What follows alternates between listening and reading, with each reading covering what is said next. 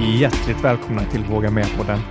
Podden för dig som älskar att aktivera det inre modet och utvecklas både fysiskt och mentalt. Med mig, Mikael Wigerud. Och med mig, Benjamin von Schmuck. Jag hörde precis du sa att det är ett stort jävla frågetecken. ja, ja, ja. Svara om mitt liv. Det var ju intressant nu när du satte telefonen i flight mode. Så helt plötsligt så började ett ljud spelas upp av någon meditation av en polare. Vad var det där för någonting? Det var faktiskt jävligt märkligt. Först så typ skämdes jag nästan lite för att jag hörde att det började komma något ljud ur telefonen när jag skulle sätta den på flight mode. Och jag märkte ju ganska snabbt att, att det här var en, liksom en guidad meditation. Så tänkte jag, ah, fan jag orkar inte förklara för Benjamin nu så jag försökte snabbt stänga av ju. Och du bara, nej, nej, nej, men eh, låt sig rulla lite grann. Vad är det här för någonting liksom? Ja, men det är Matteus, en polare i Italien, som gör en guidad eh, eh, heart meditation, liksom en hjärt, hjärtmeditation. Ja, gjorde den jävligt bra. Så det var ju lite kul att du säger keep it rolling, liksom. Fortsätt rulla när vi Mm. kör. Jag sa det, jag, jag blir så himla varm i kroppen där när man saktar ner eh, andningen och så är man inte riktigt, eller kroppen är inte förberedd på det. Och så blir det lite survival mode på det. Eller någonting händer i alla fall inombords. Ja, men man såg ju här att eh, hela du eh, blev ju lite varm och aktiverad och Helt plötsligt såg jag ju dig i den här väldigt stillasittande lugna meditationen, såg jag dig stående upp och eh, stretcha och... Nej, det var klar. Jag var färdig. Jag, var färdig. Jag måste berätta. Jag, jag har börjat eh, titta in på, det finns video på YouTube som heter Kurt Kusakt. Och de har som eh, mission att gå in och lära vem som helst om livet. Så det är allt möjligt. Det är väldigt mycket fokus på rymd och svarta hål och sånt här som kanske är ganska obegripligt för någon som inte har studerat astrofysik. Och så gör de det med animation och så gör de det eh, ja, jäkligt bra. Och då kan man tro, är det bara för folk som tycker om astrofysik? Nej. De förklarar allting från covid till virus till vad händer om man släpper en myra och en elefant från Eiffeltornet. Alltså mycket fokus på ja, men lite grann vad vetenskap och sådär. Så de går in på teorier. Och det är det jag tänkte binda ihop till det här med meditation, för fick, kommer tänka på det här. Har du hört talas om, de kallar det the egg? Nej. Finns det en skapare till människan? Eh, Lever vi i en simulering? Etc. etc. Jag ska försöka, jag kommer inte återberätta det lika bra som, som de berättade den i, videon. Men man kan ju söka på den, heter The Egg, och så Kurt Kusakt med Z. Då är det som en story, så vi tänker oss in i en person som vi kan kalla, kan kalla han Bob. Bob sitter i sin bil. Han får en talkocka. Han dör på studs. Han eh, bara känner att han svävar liksom eh, utanför sin kropp och han ser det här ljuset som han beskriver i en tunnel. Och där framme står en skepnad. Och så, Bob är ju jätteförvirrad, han fattar inte. Så, vad är, det, är, du, är du Gud eller vad, vad är det som händer? Och så här, finns, finns många namn. Så här. Jag är död. Ja, du är död. Ja, men vad, jag känner mig inte färdig och vad, vad händer med min familj, mina barn och min hustru? Och... Dina barn kommer aldrig glömma dig. Du har eh, varit ett stort bidrag till, till, till, till dem och de kommer aldrig glömma dig. Din fru, eh, hon mår ganska bra. Hon är faktiskt lite lättare över det här. Jag har inte haft ett så bra förhållande på, på de senaste åren. Om det glädjer dig så samtidigt så känner hon ju just att hon känner sig lättad får hon otroligt dåligt samvete över. Ja, men eh, ja, det är väl ungefär det det har varit. Jaha, men eh, jag ser att det börjar sväva grejer runt omkring mig. Ja, det är dina minnen. Okej. Okay var, varför, var, varför ser jag mina minnen för? Ja, men det har varit det som har varit meningen med ditt liv. Vadå, så mitt mening med livet har bara varit att leva livet? Ja, ungefär. Jaha, men vad händer sen då? Ja, du kommer återuppfödas. Var det som buddhism? Ja, buddhism och buddhism, alltså det... Ja, du kommer återuppfödas. Ja, men... Eh, vadå, till, till, till, till, jag förstår inte. Kan du... Ja, det är så att du kommer återuppfödas till, till att vara eh, en, en tjej på 1700-talet i Kina. Bakåt i tiden. Ja, precis bakåt i tiden. Men eh, ja, tid och tid och sånt är inte riktigt relevant för oss, eller för mig då. Ja, ja, ja, ja han är, Bob är väldigt förvirrad just nu. Ja, det förstår jag. Om det är så att jag kan återuppfödas bakåt i tiden, skulle det då vara möjligt för mig att träffa och interagera med mig själv? Ja, absolut, säger gestalten. Ja, du vet, det här händer ganska ofta. Det händer eh, faktiskt varje gång. Men eh, eftersom att eh, du lever två liv så vet du inte om att det sker. Ja, men vad är då meningen med allt det här? Frågar Bob. Jo, meningen med allt det här är för att du ska lära dig och utvecklas. Okej. Okay. Det är nämligen så att varje interaktion du har växer du. Varje intrig du har växer du. Varje gång du älskar, vårdar, bryr dig om dig om någon växer du. Det var då det gick upp för Bob att alla interaktioner som hände var mellan sig själv. Så är det här någon typ av test? Kommer jag bli som dig någon gång? Kommer jag bli Gud? Då skrattar gestalten. Ja. Men det tar dig tid. När du har gått igenom och levt alla liv, då kommer du gå vidare och födas. Aha, säger Bob. Så det här är som ett ägg. Coolt. Jag vet inte om jag fick med liksom budskapet av the ägg, va? men li, li, lite grann om man då tänker liksom att varje interaktion man har är kanske av någonting större. Va? Så att om man hela tiden vill att det ska gå åt ett positivt håll så ska man ju se till att ha positiva interaktioner. För det kanske är så att vi är skapade av någonting vi inte har koll på. Där vi själva liksom är på något sätt en stor organism som försöker lära sig själv att uppnå nya höjder. kanske låter superflummigt men jag tyckte det var Nej, jäkligt det låter intressant. väldigt sannolikt. Också. Och då, då, det fick mig att tänka på om- om man är den här individualisten där man tänker att ah, det bryr mig inte med någon annan, jag bryr mig bara om mig själv och eh, allting går åt helvete med politik och ditt och datt och sen, jaha men om man då tänker tillbaka på den här teorin så då kan man inte riktigt låta allt annat gå åt helvete för då går ju du åt helvete. Det där är ju en insikt som förändrar ens syn på livet. Nej, men det är ju så att vi är ju väldigt indoktrinerade eller tränade i att jobba i den här individualismen. Det är väl en del av kännetecknen av tiden här i stora delar av Jag världen. förstår inte vad de menar du att man ska ha en robotgräsklippare och man ska liksom sätta pärorna på ålderdomshem och... Hjälper vi inte varandra? Är det det du säger? Det får du tolka själv. Men det du sa var ju att om det inte är bra för helheten och kanske för andra människor för jorden så är det kanske inte bra för mig själv heller. Och då blir ju hela... Det blir ju typ som att spika spiken i sin egen fot. Eller att man bygger en bro av någon annan? Så kan man också säga.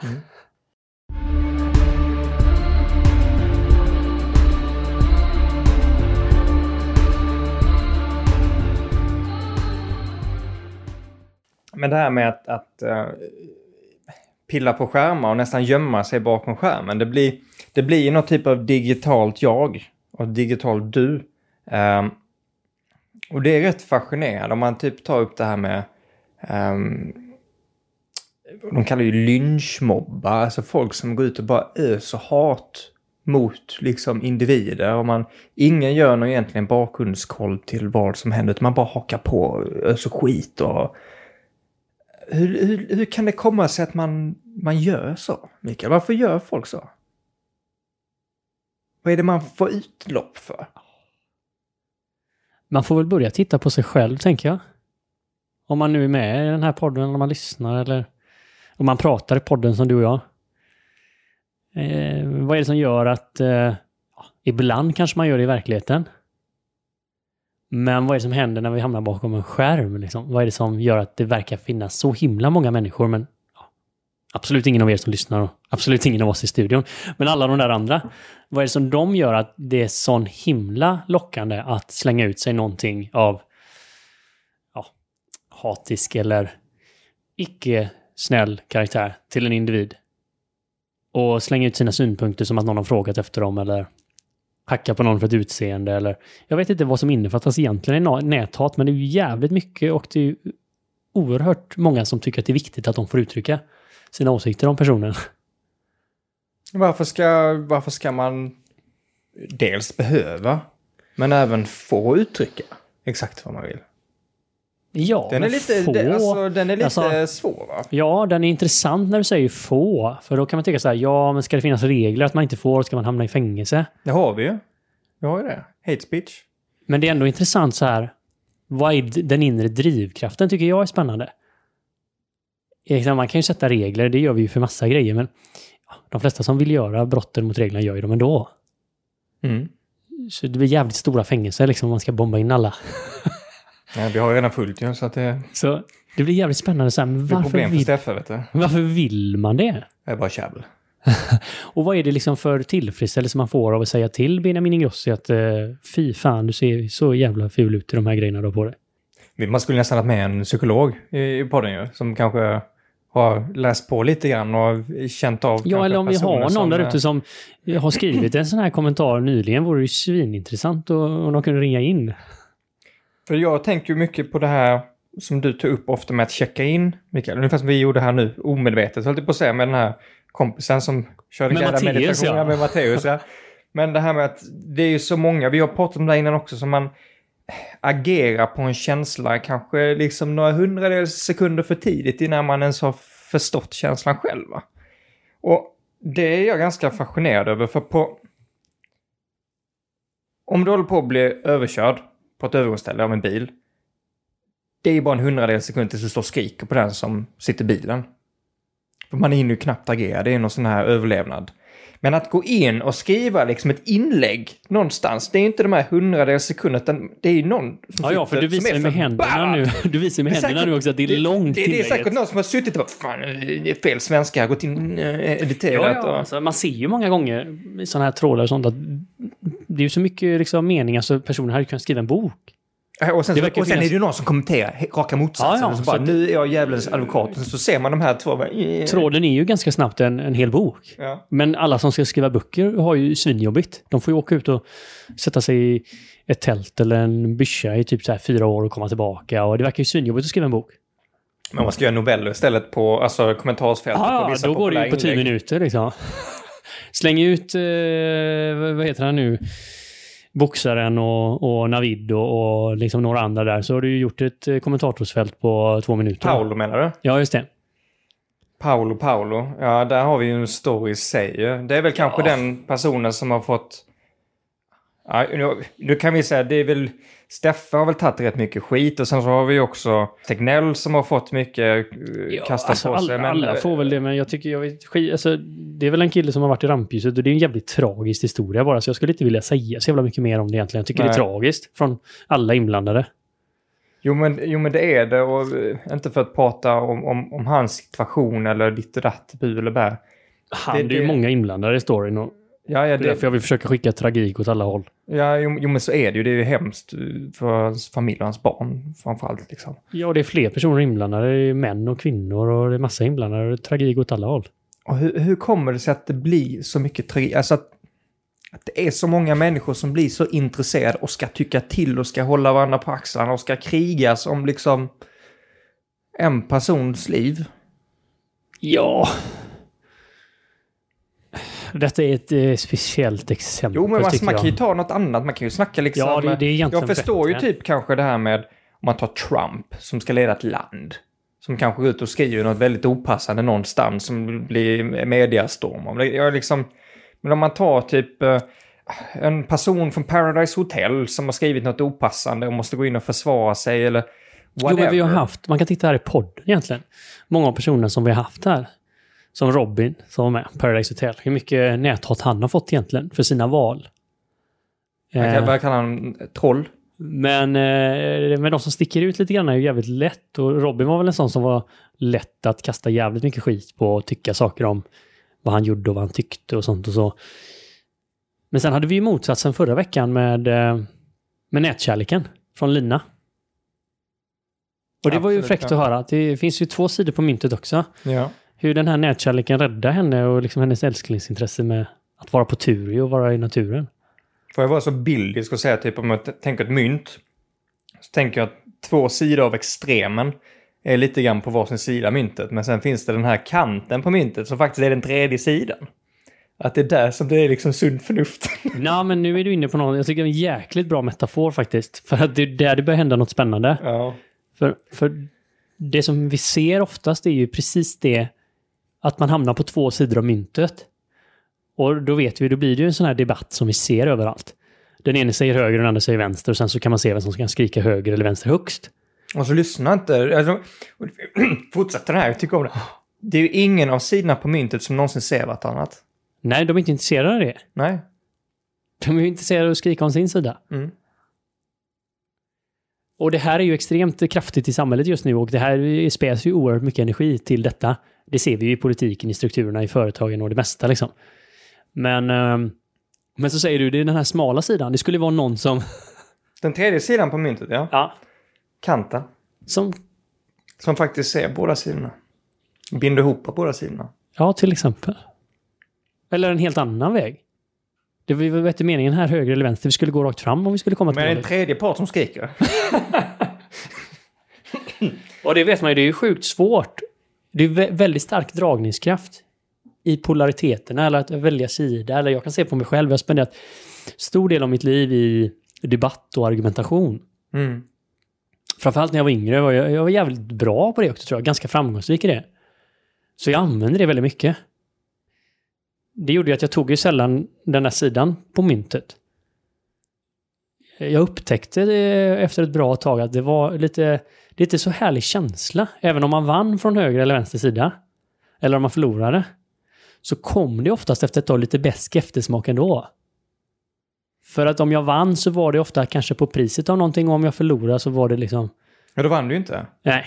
Så det, men även att vinna då, då hade jag kanske ofta, du vet, man fick sitta lite och tiden hann i kappen och sånt där så... eh,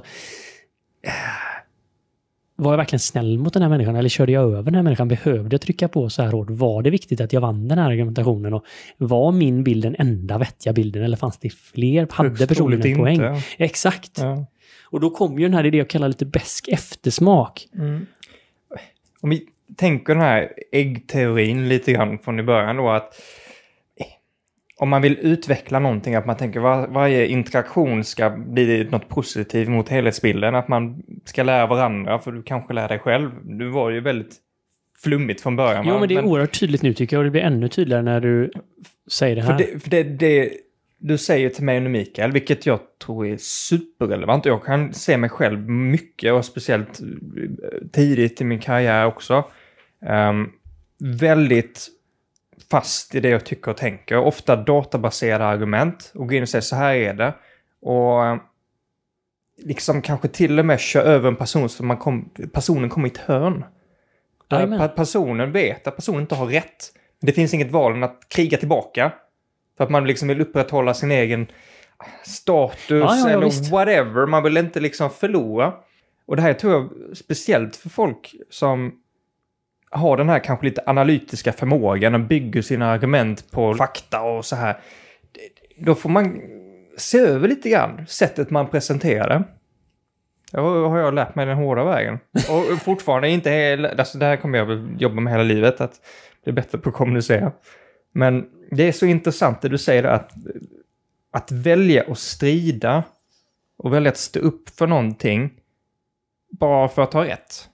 Ibland så måste man göra så, om det handlar kanske om liv och död eller what not. Ibland så är det verkligen värt att göra det.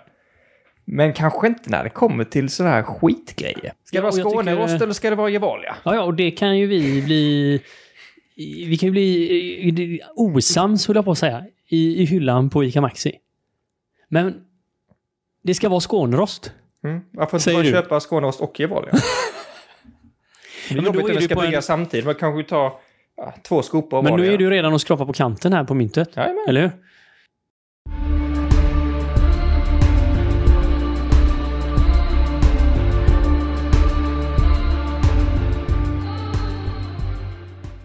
Man ser hur man kan applicera det här i små situationer. När var senast du kom på dig själv att du började argumentera gällande en skitsak? Ja, det var för eh, fem timmar sedan. Efter lunchen så hade jag ett samtal med min eh, kollega Graciela. Och eh, jag blev lite triggad. Eh, jag upptäckte att hon blev triggad. Och det triggade mig lite grann. Och där var karusellen igång lite grann. Eller började pingpongmatchen? Ja, då tog jag lite argument som jag tyckte var sjukt relevanta liksom, i sammanhanget.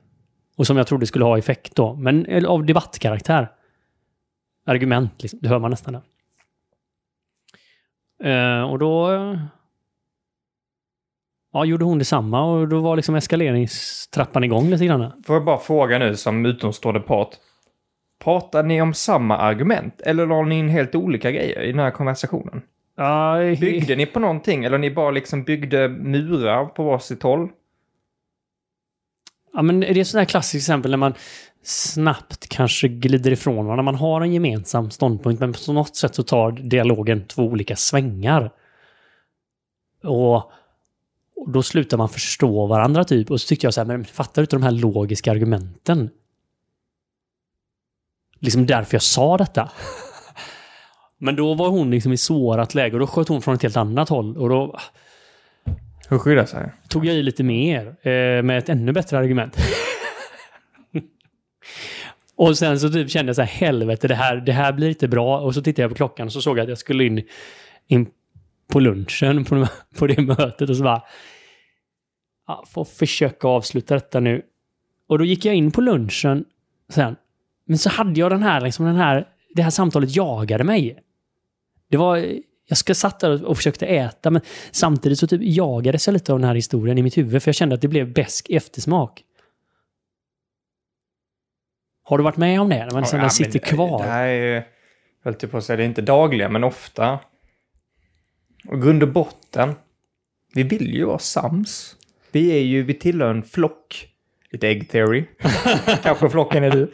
Men eh, det är ju en överlevnadsbit från oss ju, att vi, vi överlever bättre tillsammans. Och att bli ovänner har ju inte ökat chansen för överlevnad för oss. Nej, men det har ju inte ökat chansen för något.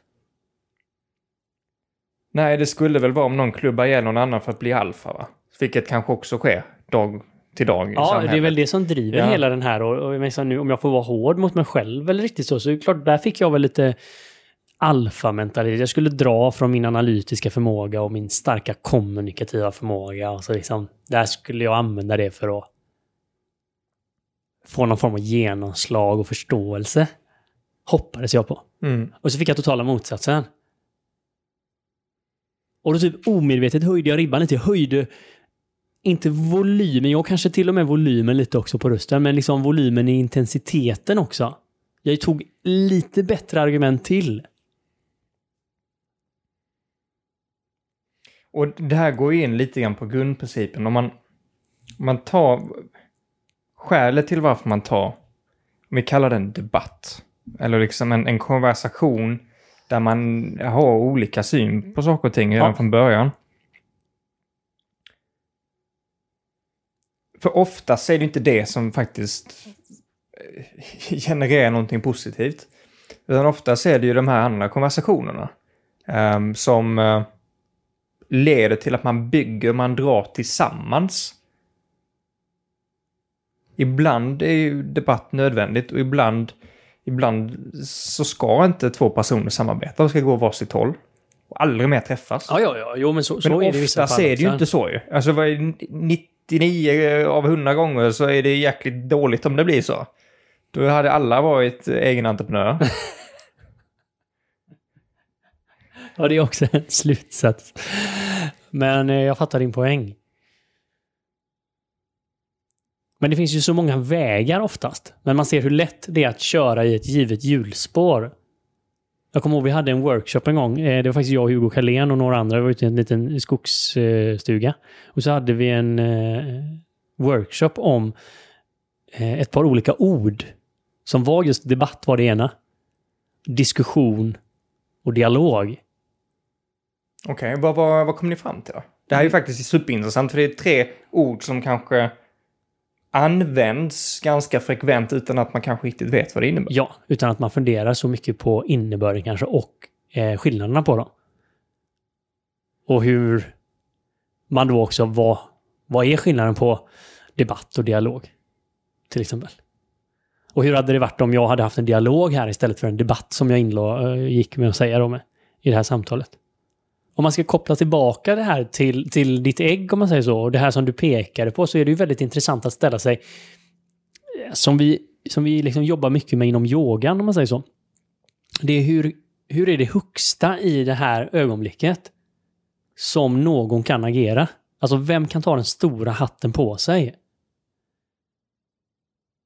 Och hur kan man försöka göra det så mycket som möjligt? Är du med vad jag menar när jag säger stora Nej, hatten du får på sig? förklara det här. Jag, jag har kanske lite en känsla av vart du är på väg någonstans, men Och det skulle jag egentligen säga, det är samma sak som att fram eller baksidan till kanten av myntet. Att försöka då agera på något annat sätt i en given situation. Men det finns ju uttrycket att vara den vuxna i rummet. Ja, men det är exakt Är det- samma. är det det? Exakt samma Okej. mening. Eller be the big person. Ja, men så att om man är två tonåringar, höll jag på att säga, som kastar lego på varandra, men två... två bröder som kastar lego på varandra. Sen så börjar de kasta lite större grejer på varandra och sen flyger stolarna. Det, Ja, de har den här vanliga ja, vanliga eskaleringskedjan. två diktaturer emellan då. Ja, de skjuter. De, hade de varit Ryssland och USA så hade de skjutit missiler, men nu är de bröder i, i, under samma tak. Och du menar att man leker med olika Kasta leksaker? stolar. Ja, man leker med olika. Men vi tar stolar istället för missiler. Det är lättare att relatera till. Lego är ännu enklare faktiskt. Kan vi hålla oss till lego? Ja, vi gör det. Gör det. Ja. Minecraft för ni som är unga nu till, på den. Så... då oftast kommer ju en förälder som är den vuxna i detta personen då och säger Hallå, vad håller vi på med här?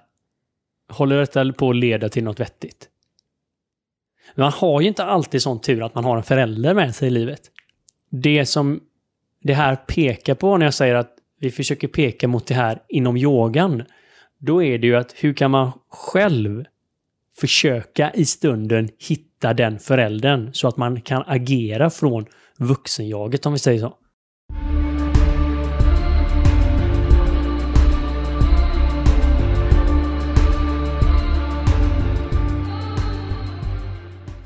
Om vi går tillbaka till samtalet du hade för fem timmar sedan då. Tog ni liksom en break?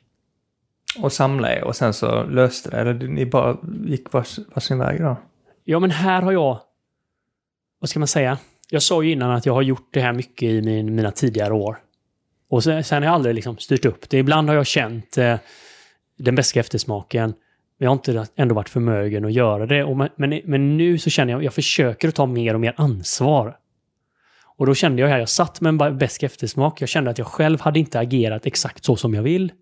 Men jag hade ändå lagt på luren, samtalet var över och jag satt ju på lunch. Jag menar, sätta på stora hatten och ta ansvar för det du säger och Ja. för utkomsten av samtalet, kan man säga så? Ja.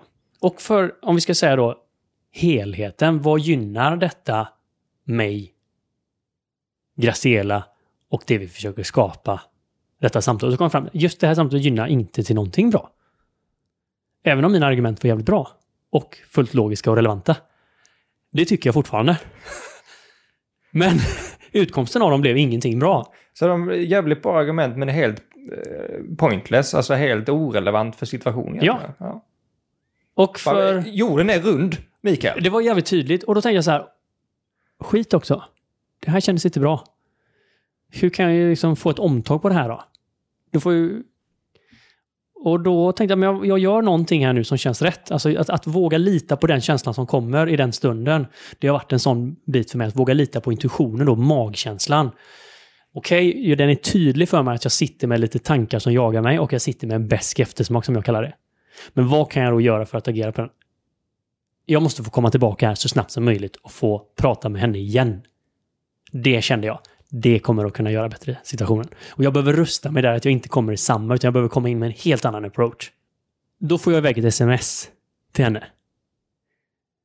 Eh, ska, jag vet ska jag läsa det? Ja. Eh, If you have time for a video call this afternoon, please let me know what time will be good. Och då svarar hon, sorry, I only have time around 18. Och då tänkte jag, okej, okay, shit. Men vi, ändå, vi har ändå en tid. Se om vi kan boka. 18 is perfect. I have 20 minutes.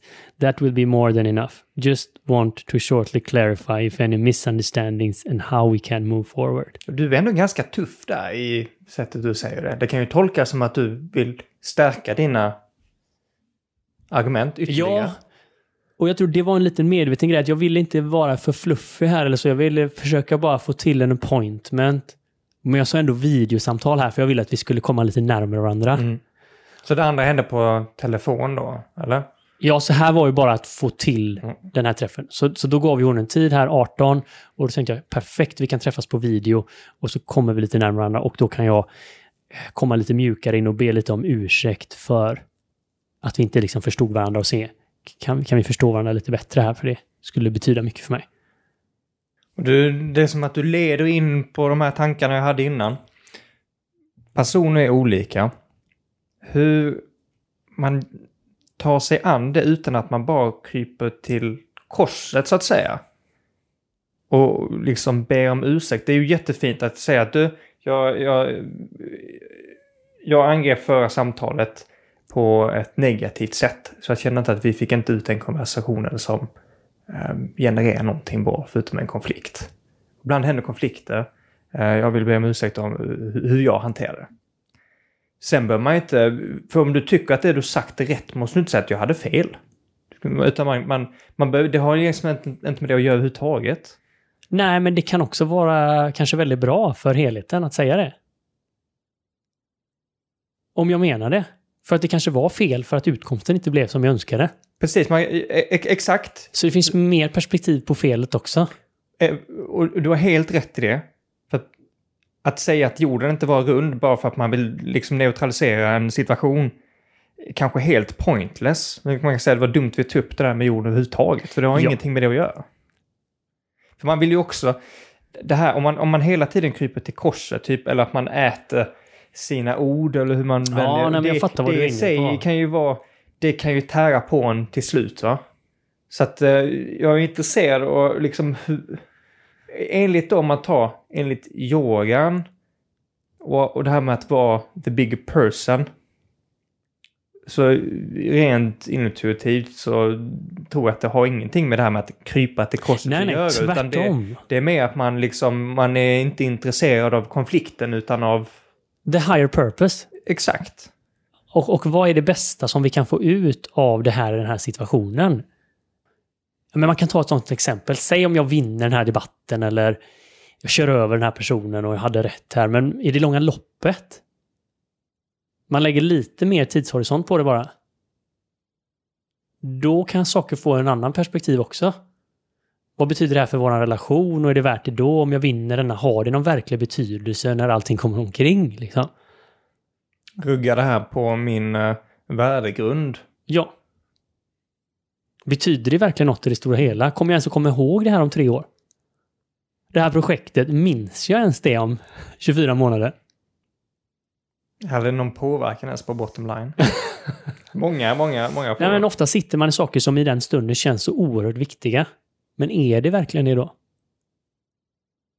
Som när det händer någonting i livet och man får en sån här liten wake-up så säger man helt plötsligt men herregud, jag börjar se lite mer tydligt vad som betyder någonting i livet.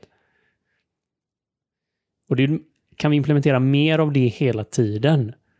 Och sen är det viktigt att säga det här som du på, påpekar här att är det alltid bara att man ska börja och säga att jag hade fel och liksom bli den här mjäkiga då? Det är inte det som jag pratar om när jag säger att vi, när jag säger vi då, om man säger i från det yogiska perspektivet, att kan du agera från det högsta i det tillfället, då, då kan det vara fullt spektra där. Ibland är det att sätta ner foten och säga nej. Om man, om man, en, en ledande grej är att ryggraden är ju stark genom hela. Japp. Det är inte det med böjd rygg, huvudet ner. Nej. krypa till korset. Så det är därför vi alltid pratar om stark ryggrad, öppet hjärta. Ja, det körde vi på inledningen här. Strong dagens, spine, dagens open heart. Och det... Det gör att då är ju allting möjligt där. Så, så tränar man egentligen, man, man kan tänka det här livet. Jag tycker det är viktigt, för man kanske har ofta två sidor. Att antingen är man väldigt bra på att be om ursäkt, eller så är man jävligt bra på att säga nej då och köra över. Och att hålla ut tills den andra parten Exakt. ber om ursäkt. Och ofta kanske man fastnar i en av de här sidorna. Att man är en person då, antingen den som vinner och kör över eller den som säger förlåt och fixar och sätter plåster på alla och tar hand om alla. Man ser inte att det här spektrat egentligen kan vara tillgängligt för både dig och mig. Ja, och erkänna att man, man kan ha fel. Båda två kan ha fel. Alltså det är ju en intressant fråga bara Båda två slänga, kan ha rätt. slänga ut här. När, när erkände du det senast? Du, det är faktiskt en jättebra fråga. Nej, men det, det var inte, alltså, det, det var inte länge sedan jag gjorde det, men det var över en skitgrej. Jag sa bara, jag dum i huvudet, jag har fel. Ja, du, du, du, du får, nej men alltså, jag, jag, delvis så har jag också tagit mindre konflikter. Ja. Ehm, faktiskt. Och jag vill inte bli bitter, vilket ibland man tenderar att göra. Men, Nej, jag är inte bitter. Nej, jag är då fan inte bitter. Men jag, jag, jag, jag har läst, jag, jag har ju lite böcker där borta i bokhyllan. Och de böckerna handlar om stoicism. Och det är, är det en, en grej man ska ta med sig från det, så är det ju det här att ja, om det är någonting du kan påverka, som du känner ett behov att påverka, då påverkar du det. Men om det är någonting du inte kan påverka, även om du hade velat, bara droppa det. Skit i det. Mm. Och det i sig ger en typ av frihet att istället säga okej, det, det är en pandemi, jag kan inte lösa hela pandemin själv, men jag kanske kan finnas där och hjälpa till för folk runt omkring mig. Ja. Som den här, vi, vi pratade om det här i ett av de tidiga avsnitten, när, när du sa att eh, det var en, en så fin tjej som hade satt en, en lapp i trappan med sitt nummer, vet du, som man kan dra över flikar. Så hej, behöver du hjälp, handla mat, whatever, dra en lapp och ring mig. Det är så, Ja, ja, det här var ju min... Jag såg faktiskt den här lappen igår, den sitter kvar. Det var ju min mammas trappuppgång. ja. Och hon, den här tjejen... Hon, har hon följer ju the egg theory. Ja, men det, är så, det var ganska tidigt i pandemin också. Äggteorin. Hon har ju verkligen fattat detta. Så hon har ändå tagit sig ner där, skrivit en lapp, klippt fina sådana. Och den bara skriver Hej, behöver du någon hjälp? Tveka inte att höra av dig. Här är mitt nummer, jag är ofta hemma. Och så hade hon ett exempel som du sa, är det hjälp att bära upp kassar eller handla? Alltså, så jävla cool tjej. Det finns tusen andra grejer man kan göra än att göra det. Ja, ja. Ja, men om man kan ju imponera så, man kan känna så här, men herregud, så vill jag ju också ha. Jag vill också komma på det i stunden. Att i april för ett år sedan, där i början av pandemin, bara komma upp, ja, men jag måste nog bara sätta en lapp här nere i trappuppgången ifall någon av mina grannar behöver hjälp. Varför gör man inte det? Jag, jag funderar på varför har inte jag gjort det? Ja, det är ju så man Har, känner. har, du, har du gjort det? Nej, Nej, varför har du inte gjort det då? Ja, men jag har ingen trappuppgång. Nej, vad fan. Nu satte du med klistret, Mikael. Ja. Men istället för att man väljer då att ta en, en debatt som man ska vinna, så gjorde hon så här, nej men jag skriver den här lappen istället. Jag jobbade mycket mot eh, olika regioner i, eh, i Europa. är tyskarna ofta ett av de folk man pratar mycket om. Det är de tyska, de är rakt på sak och det är mycket data. Och eh, jag snackade med en kille från IT där för några år sedan. Och skulle beskriva fan och pitcha liksom den här appen och jäkla bra den var. Och han var bara raka motsatsen. Bara du fan har inte koll på någonting. Och vi bara, vet, det här blir ju pingpong som börjar med en liksom lätt fjäderboll liksom som blev, eh, ja men ett eh, cricketklot som blev en, alltså fan vad vi skrek på varandra till slut. Och sen så helt plötsligt bara, ah, I know, see what you're talking about. Okay, I understand. Och sen hade vi världens bästa konversation. Ja, Det blev en sån jäkla vändning. men fan vad coolt. Han, han använder ju ett sånt här magiskt verktyg där då. Han, Ja, han, han bröt ju debatten till Ja. och att, okej jag fattar vad du säger. Jag är inte emot dig.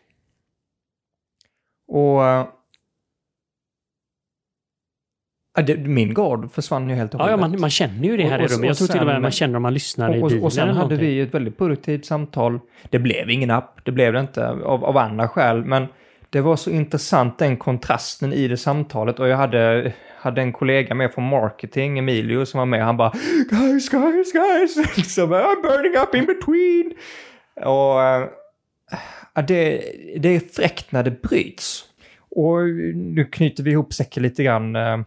Ja, det, har, ju- det har ju med det här också, för att mycket av det här med argumentation och när man bygger de här pingpongerna med, med en TNT istället. Det är ju det att närvarandet finns inte där och det kanske till och med var så att du för fem timmar sedan droppade lite närvarandet och syftet med konversationen. Kan det varit så? Absolut. Och jag sa ju ändå det. Jag sa, jag, jag sa tror jag att jag blev lite triggad. Ja, ja. Och, det, och det, Och där åkte jag ju på autobahn. Ja. Så där hade jag Det- inte samma närvaro. triggern är ju Voldemort i konversationer. Och det är ju precis det när det slinker igenom. Det är därför man brukar skoja och säga så här. Typ, if you think you're enlightened, go and spend a weekend with your parents. jag tycker det är en så jävla bra ramda som säger det. Och det- det finns så här bra test för att det är ju alltid när det kommer nära som, som autotriggerserna kommer nära. Så om man är med sina föräldrar eller med sina syskon eller någonting så brukar man kunna märka hur snabbt det kan hända. Eller med sin sambo eller vem det nu var. Men vissa saker slinker ju igenom. Chefen kanske och så vidare. Men eh, så ser vi ju hur man kan bryta det. Och... Jag, tycker, jag måste säga, jag tycker det är så fräckt att höra dig prata om sånt här, Mikael. Som... Um, ja, men, jag själv som är väldigt olärd inom det här med ja, men, spirituella och det finns ju så mycket visdom i, i just yogi. Man behöver inte tro på något spirituellt överhuvudtaget för att fortfarande förstå att det finns mycket visdom. Så länge man är öppen till att vara lite närvarande i de konversationerna. Ja, men närvaro har ju ingenting med Och- spiritual- spiritualitet att göra. Men- men eh, att, att höra dig prata om sånt här, att även en yogi och en person som har spenderat kanske 30 år kan helt plötsligt bli förbannad för att man eh, slarvar bort bilnycklarna. Att det är liksom... Ja, ja. Det, det, det är någonting som pågår hela tiden. Utan, Ja, och det är det som är det fina, typ att vara i en kropp, som du sa, den här personen som hade dött. Att så länge vi är i en kropp så har alla någonting att lära. Hur högt medvetande man än har access till. Så även när jag träffar mästare i Himalaya, liksom, så är de ödmjuka med att de har någonting att lära sig. Och tänk vilken frihet det ger en själv så att man inte tror att man... För du har pratat om det här med, med misslyckande. Hur man kan slå ner sig själv. Snosningen avsnitt ett är ett exempel på det. Nej men det här att, att man tänker liksom att man, man når en typ nästan gudomlig kraft eller nivå där misslyckande finns inte. Men här ser vi att misslyckande är liksom en del av vardagen. Det, det, det handlar inte om att lyckas eller misslyckas utan det handlar om hur man hur man tar sig an de här kanske utmaningarna eller Ja, ja, möjligheterna. Av möjligheterna. Alltså livet innehåller allting. Smärta, glädje. Och det spelar egentligen ingen roll vilket perspektiv man kommer på. Jag har varit på coachutbildning denna veckan. Mycket traditionellare, ingen, ingen yogakurs. Som jag sa till farsan, en helt vanlig ingenjörskurs. Va? Går det sådana fortfarande? ja, ibland. Och där pratar vi om det här också. Med några forskningsbaserade modeller. Men det handlar om det här egentligen. Hur kan man vara den som totalt förändrar dialogen eller diskussionen eller debatten genom att ta sig till kanten av myntet. Ja, men kan vi gå ända till, ägg... för att skydda sig mot kan vi gå ända till ägget här där vi började? I den här abstrakta historien. Och så kan vi, om, om till och med ägget är från det perspektivet. Eller ägget kanske är ett bolag eller är en by eller Eller en trappuppgång. Eller universum. Ja. Eller det här totala häftiga systemet som du sa. Är det en högre kraft eller en lägre kraft eller någonting? Vad man än tror så tittar man på systemet, träden som växer, människorna som lever sånt, så är det ju väldigt häftigt. Om vi säger att det är ett samspelande system som är ägget och min påverkan till hela detta. Vi kan komma tillbaka till detta tror jag, men jag tror ändå man kan känna. Och för mig har det varit häftigt när man träffar människor. Buddhister har ju det här väldigt tydligt. Att eh, alltid försöka göra gott eller ingen, ingen, inget våld. Det var ju en grej som symboliserar buddhismen väldigt tydligt. Men det är väldigt häftigt när man träffar människor som är tränare i det. Inget våld mot något, liksom. Inte mot träd eller mot människor eller mot djur eller så. Och det, varför lägger jag in det i det här exemplet? För att de har en liten högre tanke med sig. Och det är inte att säga att det här är bättre eller sämre. Men det blir fascinerande tycker jag, när man har det. Och det knyter jag lite till ägget här. Vad skulle mitt bidrag vara om jag faktiskt ibland gav mig själv lite tid att se när jag lämnar det här stället, vad vill jag känna att jag har gjort? Med det jag haft framför mig, i mitt jobb, med mina relationer, med mina debatter. Med... Istället för att bara känna mer stålar. Och jag tänkte på den här frågan ibland också. Jag fick tre ord här vid ett tillfälle. Som... Eh... var det dialog, diktator och... ja, det var det. Men de här var mer av den magiska trollstavsmekanismen. För de var tack, förlåt, jag älskar dig.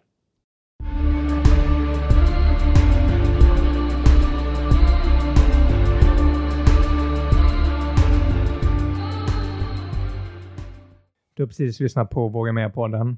Med mig, Benjamin. Och med mig, Mikael. Vill du höra mer av oss så måste ni ju såklart prenumerera på podden.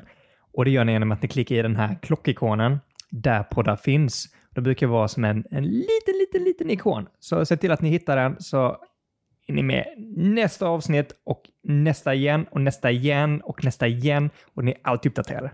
Och är det en sak som vi verkligen tycker om i Våga Mera-podden så är det ju att vi tillsammans engagerar oss. Så in på våra sociala kanaler, kommentera, dela och inspirera varandra. Ha en magisk vecka till nästa gång så syns vi snart igen.